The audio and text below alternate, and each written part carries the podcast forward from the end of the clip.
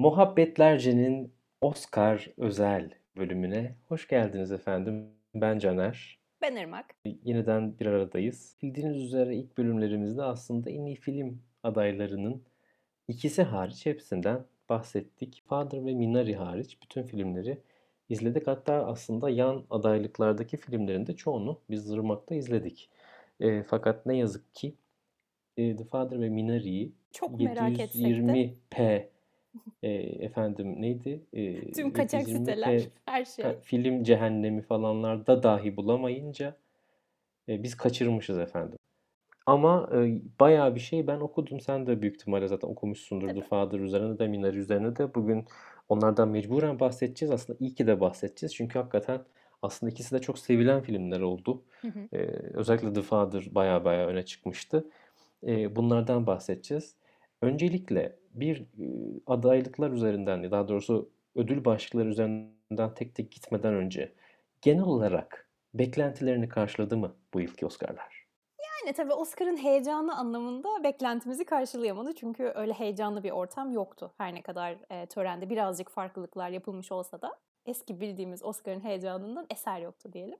Ödüller kısmında pek beni şaşırtan da bir şey olmadığı için yine "Hmm, evet doğru tahminler gibi noktadan ilerlediğimiz için o kısımda çok büyük bir farklılık yaratmadı. Ama yine de Oscar olunca seviliyor galiba. Yani öyle bir güzelliği var sanırım kendisinin. E, evet bu sene zaten bir de ta- tabii doğal olarak bütün ödül törenlerinde olduğu gibi bir e, ağır bir şekilde pandemi efekti vardı ama aslında pandemi etkisini de en az şekilde hissettirmeye çalışan tören Oscar'lardı denebilir. Ben gece yarısı olmasa bile büyük bir kısmını sonrasında izledim. Önemli sahnelerini, anlarını yeniden yeniden izledim. Açıkçası bir beklenti de vardı. Bu manada bir beklenti vardı. Yaratıcı çok farklı bir şeyler olur mu? Ama aslında yine klasik bir Oscar ödül töreni ve içeride güzel bir şekilde halletmişlerdi. Tabii mekanlar çok hoştu. Biraz tren istasyonundaki kısımki ana Borough. sahne oradaydı. Oradaki böyle bir Golden Globe havası da yaratmıştı açıkçası o oturma sistemiyle beraber. Aslında bu, bilgi de verelim. Dört farklı yerde yapıldı ana şey döngü. Ama başka başka yerlerden kamera üzerinden katılanlar da oldu. Fakat hani Golden Globe'da yaşanan Hoodie'siyle katılan aday e, muhabbeti yaşanmadı. E, evlerimizden Zoom'dan katılalım muhabbetindense hiç değilse insanlar bir yerlere gitsin oralardan katılsın yapıldı. Hoştu bence yani yeniden bir araya gelmiş olmak o maskesizlik ortamı falan onu görünce ben bir mutlu olmadım değil. Gözün kırmızı halıyı aramış yani senin genel olarak. Onu da ya gözüm bulmuşsun gibi. kırmızı evet ya aslında o çünkü eğlenceli. ol- Bu arada Evet evet. kırmızı halı da oldu yine. Evet evet O oldu. da oldu.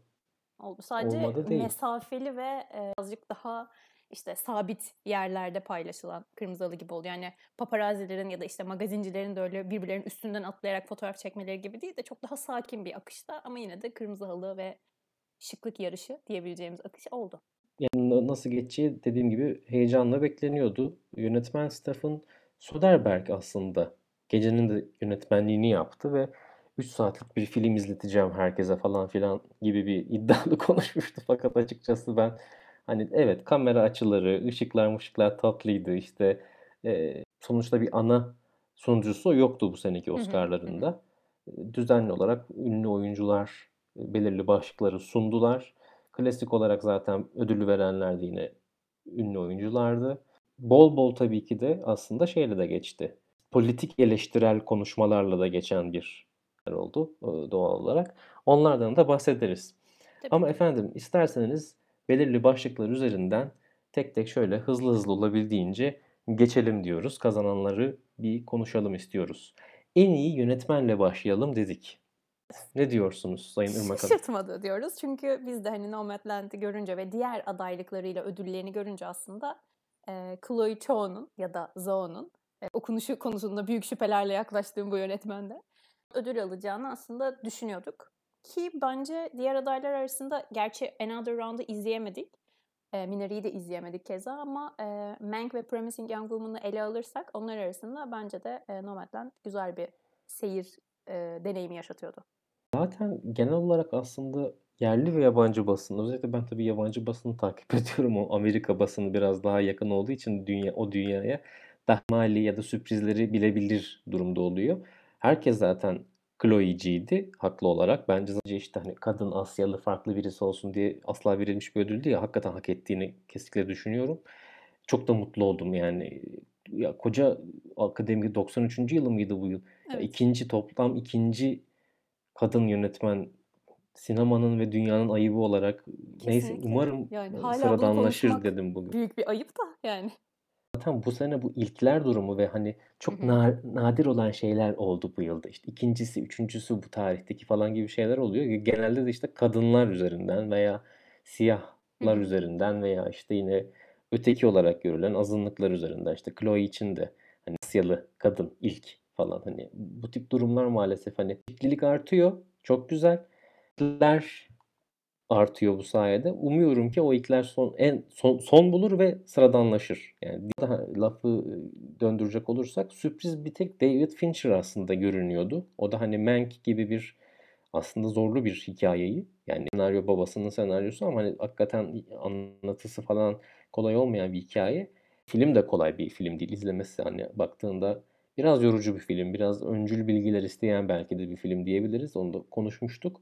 Fincher o nedenle hani bu hem sinematografik seçimleri açısından hem e, anlatısı açısından dur mu belki deniyordu ama orada iyi oldu bence Chloe'nin alması. Burada da güzel bir e, e, yönetmenimiz oldu diyebiliriz artık. Bir Oscar ödüllü yönetmenimiz daha var yeni. Efendim buradan hemen en iyi filme bağlayalım. Zaten bağlantılı ki bu yıl aslında enteresan bir şey oldu. En iyi film ödülü normalde en son açıklanır.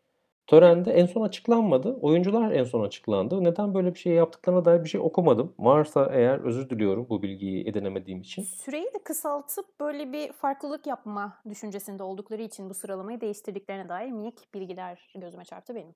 O en iyi filmi en son olmasın, ondan işte oyunculardan önce olsun süreyle ilgili bir şey değiştirir mi emin değilim. Ama Filmi kısaltmış sanıyorum. O yüzden sıralamada da böyle bir değişikliğe gitmiş. E, o çünkü en iyi filmde bir böyle şey oluyordu ya bütün ekip sahneye çıkar Tabii tabii. herkes. Hele zaten La La Land yılını hiç söylemek istemiyorum çünkü bir Evet, ekip çıktı sonra başka bir ekip yani. daha Bir çıktı. her iki ek- ekip de çok kalabalıktı. Evet, ya herkesiyle beraber çıkıyorlar. Zaten bu sene olabildiğince az kişiyi sahneye tut, de tutmaya çalıştılar ama yine en iyi filmde bayağı kalabalık diyebileceğimiz bir kadro vardı ki zaten Francis ablam. Sahneden hiç indirmeseler de ki olurdu Fransız'da ya. Nomadland bölümümüzü dinlediyseniz efendim benim öv- övgülerce kısmında Francis'i öve öve bitirememek temalı konuşmamı e, dinleyebilirsiniz. Francis ablamı zaten en iyi kadında da biraz daha konuşacağız ama bu ayrıca yapımcı olarak zaten ödülü aldı ve bunu başaran galiba galiba üçüncü ya da dördüncü kadın sanatçı. Yani hem yapımcı hem en iyi kadın oyuncu e, ödülünü aynı sene kazanan nadir insanlardan. Ee, ve bir de Uludu. Uludu. Bu Uluma'yı da e, sonradan öğrendik ki maalesef hayatını yakın zamanda kaybeden ses tasarımcıları e, Wolf takma isimliymiş. Onu anmak adına ödülü aldıktan sonra böyle uzunca bir uluma yaptı.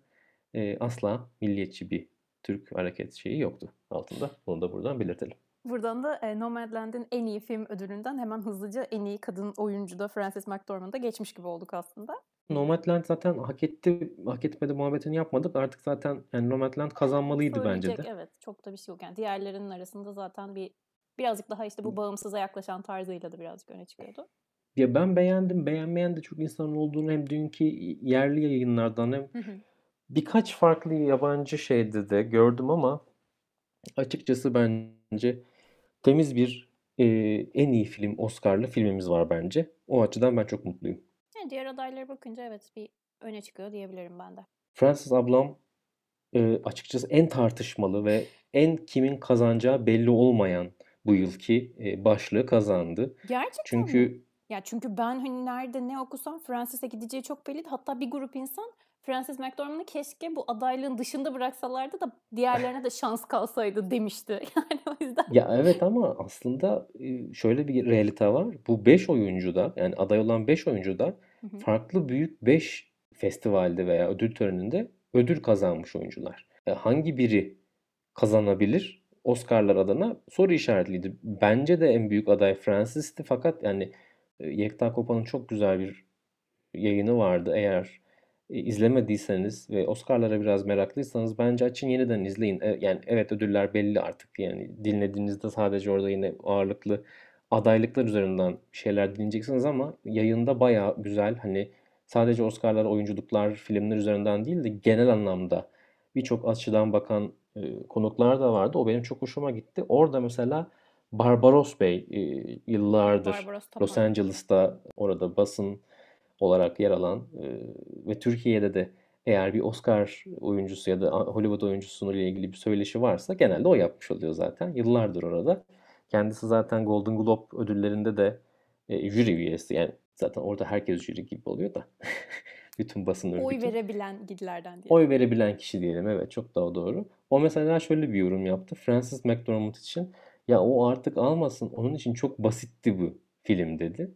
Sabah eline kahve kupasını alıp dışarı çıksa zaten o an oynar bu rolü dedi. Ya açıkçası evet öyle ama yani bunu da yapmak için işte o seviyede olmak lazım. O seviyede ödüllendirmemek ayıp olur. E, Bu arada e, diğer adaylarımızın filmlerini de izledik diye biliyorum ben. Yani ben izledim. E, Evet hepsini yine de izledik yani Frances bu arada. McDormand yani Ya yine de Francis şimdi şu- şöyle bir şey var. Hızlıca istersen ben böyle bir geçmek de istiyorum. Andrade'ye bakarsak o film çok korkutucu bir filmdi Billie maalesef. Ben çok Holiday zorlandım. e, United States'e karşı olan, yani Amerika'ya karşı Billie Tam tersi. The United States vs. Billie Holiday. Yani Amerika Billie Holiday'e karşı. Ya o film maalesef yönetmenlik ve kurgu özellikle anlamında çok zorlanmış bir film.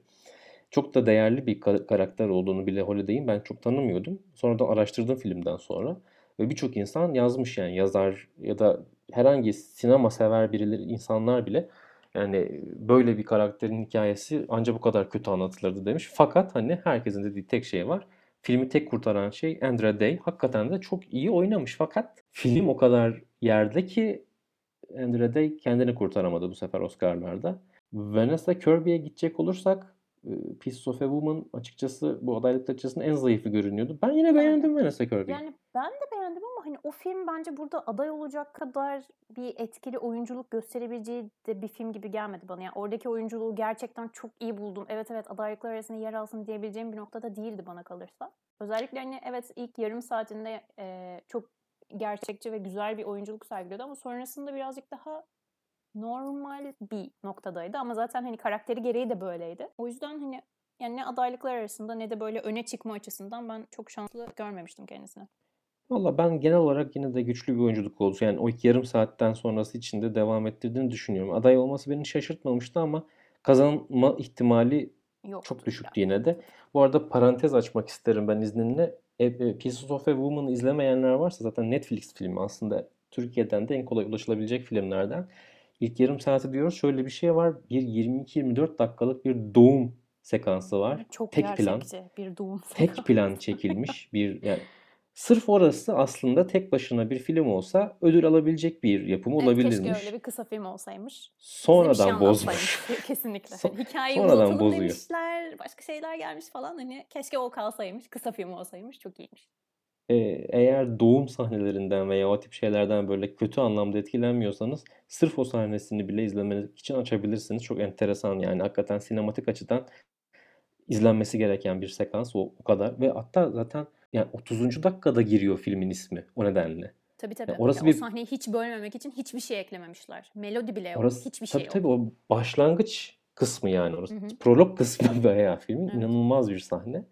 Neyse oraya geçtim. Carey Mulligan çok konuştuk zaten aslında. Evet yani onu hiç şey yapmayalım bence. Bir bölümümüzü buna Ama ayırmıştık bir zaten. yandan şaşırtan şey şuydu Irmak. Onu belki bir, senden yorumunu dinlemek isterim. Francis McDormand'ı söyleyen insanların birçoğu da Carey Mulligan da olsa hiç üzülmem diyordu. Veya Carey Mulligan'ı Francis McDormand demeyenler Carey Mulligan'ı diyordu. Viola Davis'le beraber çok fazla. Bilemedim ama saygı duydum. Ya bence onun bir genel olarak oynadığı her şeyi kendine yakıştırma gibi bir noktası var bence Carey Mulligan'ın. Yani genelde oynadığı diğer bağımsız filmlerde de bir çok seviliyor ve hani böyle bir fanları demeyeyim ama hani ah ne yaparsa güzel yapıyor gibi bir noktada yaklaşan insanlar da var bence. O film bilmiyorum hani dediğim gibi adaylıkları ya da kazandığı ödül açısından bende hep bir soru işareti olarak kalacak. Çünkü Orada konuşacağız, Yani konuşacağız. girmiyorum. Son adayı da hızlıca bahsedelim. Viola Davis. Bence yani çok enteresan bir film. Yani film mi değil mi? Bence Dün değil mesela. yine Melikşah da söyledi Yekta Kupa'nın yayınında ki bunu ben de ilk izlediğimde şey yapmıştım. Yani My Rain is Black Bottom çok enteresan bir şekilde bir tiyatro metni direkt alarak yani tamam Evet. e, Romeo plus Juliet filmini de izledik biz zamanında. O da Shakespeare'in metninin direkt alınmasıydı fakat olay metni sadece birebir almak değil, sinemalaştırmaktır bütün her şeyiyle. Burada hakikaten sanki sahne vardı. Sahnenin üstünde kamera oynuyordu ve öyle çekmişler gibiydi filmin büyük bir kısmı. Yani ben çok sevememiştim. Çünkü o özellikle hani sahnedeyken belki hoşuma gidecek o farklı odaların kopukluğunu filmde görmekten hoşlanmadım. Bir bağ Hı hı. yoktu aralarında ve çok net olarak sahnenin kesildiği yeri bize anlatıyordu. Yani o kadar hani yani tiyatro oyunu izlemek istesem bir film açmam diye bir düşünce doğurdu benim e, aklımda.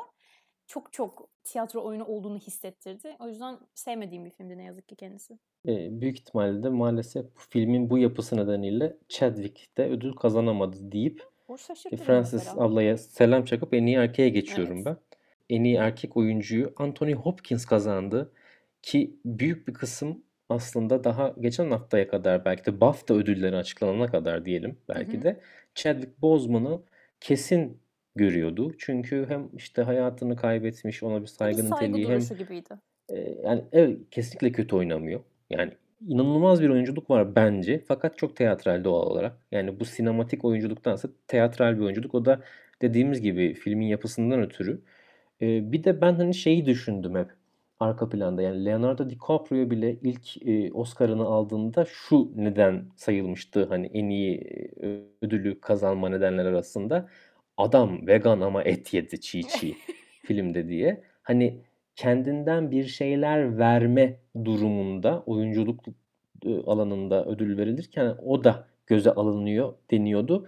Burada da baktığımızda Ma Rain is Black Bottom çekilirken adam zaten kanser ve en son Tedavisi evre görüyor. Tabii tabii. çok zor bitiriyor filmi ki zaten film bittikten ve post prodüksiyona geçtiğinde vefat ediyor. Yani adam o haldeyken aslında öyle bir e, oyunculuk sergiliyor. Sırf bu yüzden bile belki verirler mi diye ben düşünüyordum. Ama Anthony Hopkins'i de izleyemedik maalesef dediğimiz gibi The Father'ı. Okuduğum ve gördüğüm kadarıyla Anthony Hopkins bir oyunculuk dersi veriyormuş. Evet evet ben de aynı şeyi gördüm ve hani heyecanla bekliyorum diyeyim kendisini. Hem bu uyarlama hali açısından hem de gerçekten oyunculuğunu görmek için filmi bekliyorum. Oscar'a sonradan durum yetişeceğimiz bir film diyebiliriz. Evet ama bu durumu sanki BAFTA kırdı hakikaten. Çünkü BAFTA'da ilk ilk kez bu sezon galiba Chadwick Boseman kazanmadı ve Anthony Hopkins kazandı. Ve onun Evet. üstüne de Oscar'da da şey oldu. Tabii ki de bu arada ne zaman kapandı Oscar ödüllerinin şeyleri say- sayımları ne zaman durduruldu bilmiyorum yani. BAFTA'nın etkisi olmuş mudur? Çünkü çok yakın zamanda oldu ama yine de E, tesadüf bile olsa hani hoş bir tesadüf olmuş. Değilse de güzel bir etkileşim olmuş diyelim. diyelim. Hızlıca yine yardımcı rolde, erkek bir yardımcı rolde kadına geçelim ki yardımcı rolde erkek aslında yine en tartışılan e, ödül adaylıklarını barındırıyordu. Zira ödülü kazanan Daniel Kaluuya ile ödülü kazanamayan rol arkadaşı La- Lakayt abimiz, La- Lakayt Stanfield, e, Judas and the Black Messiah'da bence ikisi de başroldü ki bu yorumda bulunan kişiler de var. İkisi de başroldü aslında diye. Fakat e, akademinin oylama sisteminin e, şakasıyla ikisi de en iyi yardımcı erkek oyuncu adayı oldular. Ve Daniel kazandı. Daniel'ın bu arada ödül aldıktan sonraki pozunu bilmiyorum gördün mü ama yani inanılmaz bıkmış ve hani boş bakışlar atıyor gibiydi gerçekten böyle. Bu ödülü de bana verdiniz ama diye böyle e, durmuştu. Var bir de e, konuşmasında yaptığı kötü bir şaka var. Annesinin de tepki verdiği. O da yakalandı o sahne zaten annesinin şeyiyle. Yersiz bir şaka yaptı kendisi.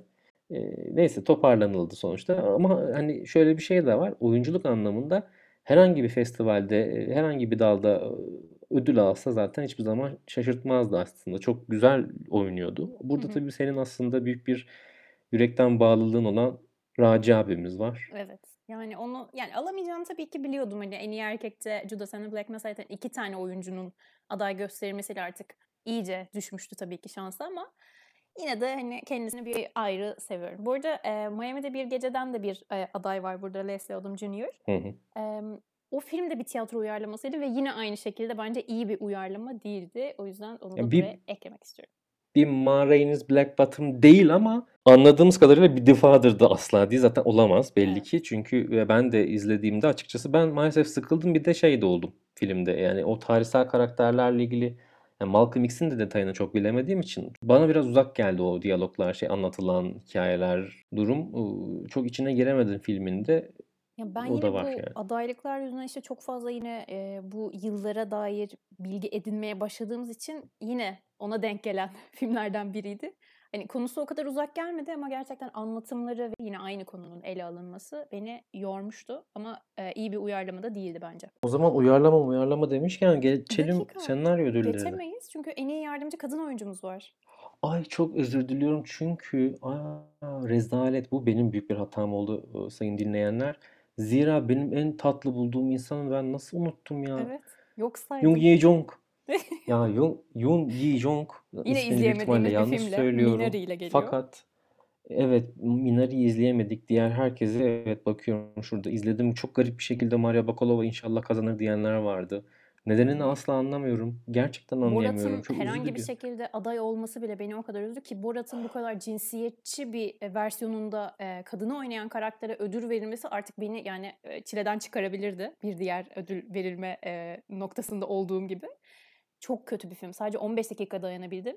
İzlenilecek herhangi bir noktası olduğunu düşünmüyorum. Gerçekten fazla cinsiyetçi ve ben- fazla eleştirel. Ben izledim Borat'ı. Borat üzerine konuşulabilir yani farklı yer- yerlerde. Şimdi Amerikalı değilken Borat'ı sevebilme ihtimali bana garip geliyor. Amerikalıyken bile öyle de hani ya bu şey gibi birazdan zaten Promising Young Woman üzerine de biraz daha konuşacağız ama burada hani Borat'ı ben tamamını izledim. Fakat hani ben de rahatsız oldum birçok yerde. Bir de böyle yapay bir feminizm durumu yaratmaya falan da çalışmışlar finaline doğru.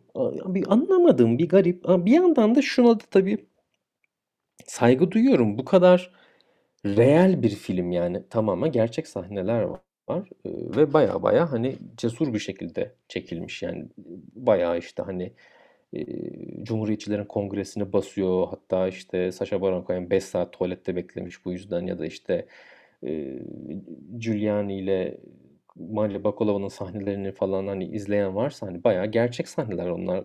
Acayip cesaret isteyen işler ama hani anlatı dili yine çok kritik bir şey gibi geliyor ve ben o yüzden bir gacık geldi ama saygı duyuyorum. Ee, sevgili Brad Pitt de kendisine welcome dedi Ee, ve Hollywood'a kabul etti kendisini. Brad Pitt kabul ediyorsa değerli bir şeydir bu. Ee, Kabul ettiği buradan kişinin en iyi yardımcı kadın oyuncu ödülünü alan kişi olduğunu düşünüyorum şu an. yok. Maria tek tek adayları sayarken Ha, Maria Bakalova'yı tek tek Hmm. adayları sayarken Maria Bakalova'ya welcome dedi. Okey. Ee, bu arada hani Olivia Colman'ı da izleyemedik tabii ama muhakkak mükemmel oynamıştır. Amanda Seyfried Yani izledik. güzeldi. Bence hani onun bir İyiydi. şeyi yoktu. Bu arada Glenn Close'un da filmini izlemedim ama onun biraz abartı oynadığını söylüyorlar. Biraz böyle büyük büyük e, oynamış diye e, şeyler okudum. Evet şöyle söyleyeyim yan adaylıklarda tek bilerek ve isteyerek izlemediğim film Hillbilly Elegy oldu benim. Çünkü çok yani eleştirileri okuduktan sonra hiç sinirimi bozamayacağım deyip izlemedim. Yani fazla gereksiz sağ görüş böyle bir dünyada e, bağıran çağıran bir filmmiş ve evet oyunculuklar da biraz abartılıymış falan. O yüzden hiç bulaşmak istemedim ve bilerek ve isteyerek izlemediğim tek filmdi. Fakat tabii Glenn Close hayranı birçok insan da ya artık bir şekilde Glenn Close'a da ödül, ödül gelse mi diyordu ama e, bu filmle de olmaz dedi akademi belli ki ona. Bir şekilde Yani. aday da gösterildi ama tabii o da var yani. Evet. Fakat şunu da söyleyeyim eğer ödül törenini izlemediyseniz sırf Yoon Yi Jong'un da konuşması var e, YouTube'da falan sırf o kısım. Ya dünya tatlısı bir 5 dakika 6 dakikalık bir konuşması var. O e, çarpık İngilizcesiyle. İnanılmaz güzel anlatıyor bütün muhabbeti derdi. Ve özellikle de Brad Pitt'in elinden tabii ödülü aldı ve e, yani ödülü açıklandıktan sonra çıkıp Brad Pitt senin sonunda tanıştığıma çok memnun oldum demesi ve Brad Pitt'e karşı duyduğu heyecan o kadar tatlıydı ki 73 yaşındaki anneannemizin. Yani dünya tatlısı bir kadın. Kendisi çok sevilecek bundan sonra inanıyorum yani. Yaşı biraz ileri olsa bile herkes onu çok tatlı hatırlayacak her anlamda. O zaman en iyi Evet, özgün e, senaryoyla devam edebiliriz sanırım şu an. ya evet burada topu ağırlıklı sana bırakmak istiyorum. Çünkü çünkü demek istemiyorum sana bırakacağım ben. Emerald Fennell'a bir ödül geleceği çok belliydi ve diğer adaylıkları açısından işte en iyi yönetmende de ya da en iyi filmde de Promising Young Woman yer aldığı için hani onların ikisi de Nomadland'e gittiği için özgün senaryonun birazcık Emerald Fennell'a kalacağı belliydi. Ama ben Promising Young Woman bölümünde de bahsettiğim gibi filmin hiçbir şeyini sevemedim ya. Özellikle bu anlatı tarzını ve sonunda işte ana karakterin kadının öldürülmesi gibi gibi noktaları sebebiyle keşke alıp da taçlandırılmasaydı dedim açıkçası. Üzüldüğüm bir ödül oldu. Bile isteye verildiğinde e, farkındayım ama yani ne bileyim Sound of Metal'a gitseydi, işte Judas'a gitseydi, Chicago'ya gitseydi, hani bir başkasına gitseydi ama e, Emerald'ın bu hikayesini gerçekten taçlandırmaları e, beni üzdü. Tek bir şey söylemek istiyorum. Açıkçası bu inşallah yanlış anlaşılmaz ama hani bazı konular e, ilk kez farklı bir şekilde dokunuluyor diye o iyi bir iş demek değildir. E, bir konu ilk kez bir şekilde hani çok az ya da hiç yapılmamış bir şekilde ele alınıyorsa o eşittir. Aa sonunda yapıldı ne kadar da iyi iştir o zaman demek değildir. Bir yandan filmin konuşurken de aslında dile getirmiştim. Tartışmaya açtığı konular nedeniyle çok saygı duyduğum bir film. Fakat tartışmaya açtığı konular nedeniyle de çok soru işaretli bir film maalesef. Ve en iyi uyarlama senaryoya geçelim. Burada da aslında yine izlemediğimiz The Father kazandı. Fakat e, daha önce de bahsettiğimiz gibi ki bir aday mesela Miami'de bir gece One Night in Miami ve bir e, aday olmayan filmimiz de var. Mesela yine Ma Rainey's Black Bottom gibi tiyatro uyarlamaları arasında.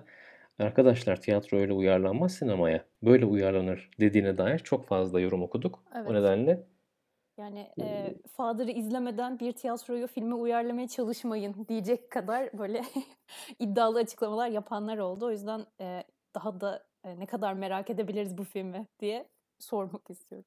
Bu arada bir güzelliği de şu zaten hani sen, işin senaryosunu yazan kişi tiyatro oyununun yazarı ve tiyatro oyununu İngilizceye çeviren kişi e, Fransızcadan. o yüzden hani öyle bir tatlı şeyi de var. Yani zaten yazar yazarı ve çevirmeni e, senaryoya, sinemaya uyarlamışlar. Belki de onun da etkisi vardır. Yani nasıl doğru bir şekilde tür değişimi yaratabileceklerini en iyi onlar biliyordu ve güzel de bir uyarlama senaryo nasıl yapılır dersi de vermişler belli ki. Efendim buradan aslında iki tane filmi de konuşmak adına çeşitli e, adaylıkları topluca konuşacağız. Mesela en iyi kurgu ve en iyi sesi The Sound of Metal aldı ki bizim yürekten en çok sevdiğimiz filmlerdendir. Ben açıkçası sırf sesi verirler diye beklerken kurgu da geldiği için mutlu oldum. Yani sesi zaten kesin versinler, lütfen versinler diyorduk. Kurguda senin sanıyorum favorin Chicago'ydu. Evet, onu istersen bir hızlıca bahsedeyim yine ya. Şöyle film çok eleştiriliyor bu arada. Hani çok fazla eski kafa bir film diye. Doğrudur evet anlatı dili anlamında biraz öyle. Fakat e, o filmi bir şekilde akışkan yapan ve bir şekilde anlatıyı bize yediren şey kurgusu diye ve en çok da o nedenle öne çıkan film olduğu için ben bunu söylüyordum. Ama açıkçası Sound of Metal'in almasına da çok üzülmedim. Fakat yine de ben kendi kurgu yaklaşımımı gözden geçireceğim. Artık buna karar verdim. Bu Oscar'ın da böyle bir güzelliği olmuş o zaman. O, onda eminim. E, hiç değilse beklediğimiz bir ödüldense iki ödül aldığına sevindim ben. Evet evet. Güzel kesinlikle. filmimizin. Bu güzel filmi de e, yok saymadılar. Onun da e, adından söz ettik. İyi oldu. Bu arada parantez geçelim. Filmle ilgili konuşurken şunu da söylüyorduk. Acaba Sound of Metal aday olduğu için ödül töreninde işaret diliyle ilgili bir şey olur mu derken oldu. Oldu. Hiç değilse e, belli adaylıklarda işaret diliyle karşılaştık. Bu da benim hoşuma giden bir detay oldu açıkçası. Kesinlikle. Kesinlikle çok yerinde. Hatta yine e, akademinin ya da Oscar ödüllerinin geciktiği noktalardan biriydi diyelim. Film ayaklandırdı bunu resmen. Son konuşacağımız ana başlıklar ki diğer detaylardan da belki hızlıca geçeriz. E, ki senin konuşmak istediğin bir iki şeyler daha var galiba. Ama e, bir diğer film en çok adaylık alan film ve en ses getiren filmlerden de bu yıl Mank. Mank 10 tane adaylığından sadece 2 tane ödül çıkartabildi. Yanlış söylemiyorum değil mi? Yo, Daha doğru, fazla doğru. mı çıkar- E, öyle hatırladım nedense. 2-2. E, e, en iyi görüntü yönetmenliği sinematografi aldı ki biz Nomadland alır mı diyorduk. Fakat Evet. açıkçası Mank'in almasına hiç üzülmedim. Çünkü o da sinematografi anlamında e, zor bir işe girmiş bir filmdi. Ve en iyi yapım tasarımı, prodüksiyon tasarımı ki o da yine bence çok şaşırtmadı beni. Ya bence de çünkü zaten hani referans verebileceği bir filmde olduğu için ona yaklaşması gibi bir noktada ölçebiliyorduk da. İşte Citizen Kane'in e, tüm bu yapısal sürecini ya da prodüksiyon tasarımını bildiğimiz için aslında ona verdiği referansları ne kadar başarılı tutturduğunu görmek bence de ödül almasına yeterdi zaten. Hatta ben onu da e, hatırlarsan saç ve makyaj ödülünü de alır mı acaba diyordum hani Amanda Seyfried yüzünden ama e, oh yine bir başka filme gitti. e, Evet, orada Ma da evet. Black Bottom orada hem makyaj hem kostümü aldı. Onu öyle e, mutlu edip yolladılar o kısmı. Evet evet yani ki bence makyaj da başarılı değildi o kadar ama neyse diyorum. Orada da galiba şey vardı Ma Rainey's Black Bottom'da e, kostüm değil makyaj ekibinin tamamı siyahi olan ilk filmmiş yine tabii ki de ve onlar kazandı. E, o anlamda da güzel oldu bence. Ben yine de Mank alsa da daha çok sevinirmişim. Hani Mank'i böyle 10 tane adaylıkta şenlendirip 4 tane Oscar'la gönderselermiş daha da mutlu olurmuşum gibi. Ee, diğer adaylıklarla ilgili çok hızlıca şöyle bir bakarsak işte e, en animasyon film Soul kazandı ki Wolf çok büyük bir Wolfwalkers e, hayranı kitle de var aslında. Keşke onu alsa, keşke o alsa dedikleri ama tabii ki de beklendiği gibi bir Pixar yapımına gitti. Bu arada en iyi film müziğini de Soul aldı. Evet, ki genelde zaten e, bütün film müziği muhabbetinde o animasyonlar öne çıkar. Bir de bu film tamamen caz üzerine ve bir müzik öğretmeninin hayatı üzerine olunca yani oradan sevdi diyelim. güzel kotardı. Beni sevindiren ödüllerden bir tanesi de en iyi özgün şarkıydı. En iyi özgün şarkı Judas and the Black Messiah'ın sonunda da bahsettiğim gibi Fight For You'ya gitti. Ona gerçekten çok mutlu oldum çünkü bence çok iyi bir şarkı. Adaylığından ödülü alana kadarki süreçte en sevdiğim şeylerden biri, dallardan biriydi.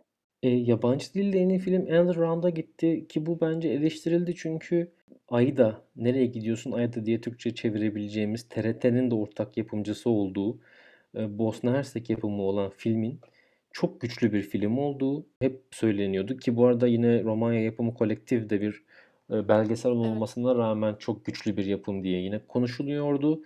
Fakat e, Avrupalı yönetmenlerin ağırlıklı olarak ve Amerikalıların da Avrupalı yönetmen açısından Winterberg'i sevmesi nedeniyle ki zaten en iyi yönetmen adayına taşıdı onu. Evet evet. E, Another Round bir şekilde en iyi e, yabancı dilde en iyi filmi. E, daha doğrusu bu yabancı dilde en iyi film değil artık. Uluslararası en iyi film Uluslararası. diye Roma'dan geçiyor. sonra değişti çünkü her şey. Evet tabii. Uluslararası en iyi filmi kazandı. İzleyemedim hiçbirini fakat okuduğum yorumlara göre hakikaten orada bir üzücü bir şeyler olmuş belli ki. Ee, bir diğer Ee, akademiyi şaşırtmayan ama beni peki neden bunu böyle yaptınız diye şaşırtan konu en iyi görsel efekt ve Tenet'ti. Yani Tenet'e gideceği yine tabii ki hani Oscar ve e, akademi yüzünden belliydi ama gerçekten ben filmde iki buçuk saati geçiyordu yanlış hatırlamıyorsam film. Filmi izledim ve o kadar hani çığır açan ya da gerçekten izlenilmesini kolaylaştıracak ya da izlenilmesi için tercih edilecek bir görsel efekt kullanıldığını düşünmüyorum. Yani Yetmiş. O yetmiş. Christopher abimizi ama Christopher olunca birazcık şey olmuş gibi hani bir şeyi de aday göster. Tenet'i de bir şeyle aday gösterelim. O aday gösterdiğimiz şeyle tabii ki Oscar verelim demişler gibi bir his doğdu bende. O yüzden biraz üzüldüm onu. yani olabiliyor. Yapacak bir şey yok. En iyi belgesel de yine bu yıl aslında Yine bir e, Netflix tartışılan en Netflix yapımı. Fakat aslında tartışılan bir belgesel oldu. İşte Fazla hani beğenilmemiş kendisi. Ben izlemedim. Biraz başlayıp yani devam etmedim.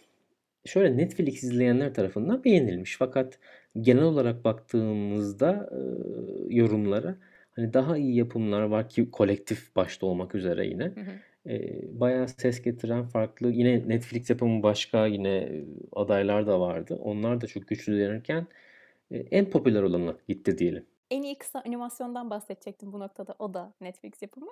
Ee, If Anything Happens, I Love You. Ee, herhangi bir şey olursa seni seviyorum gibi Türkçe'ye çevrilebilir sanırım. Bu sessiz bir kısa filmdi ve ben tesadüfen izlemiştim e, Netflix'te. Amerika'da özellikle sıkça görülen bu okul silahlı okul baskınlarının ele alındığı bir konu. Çok güzel anlatılmış ebeveynler üzerinden.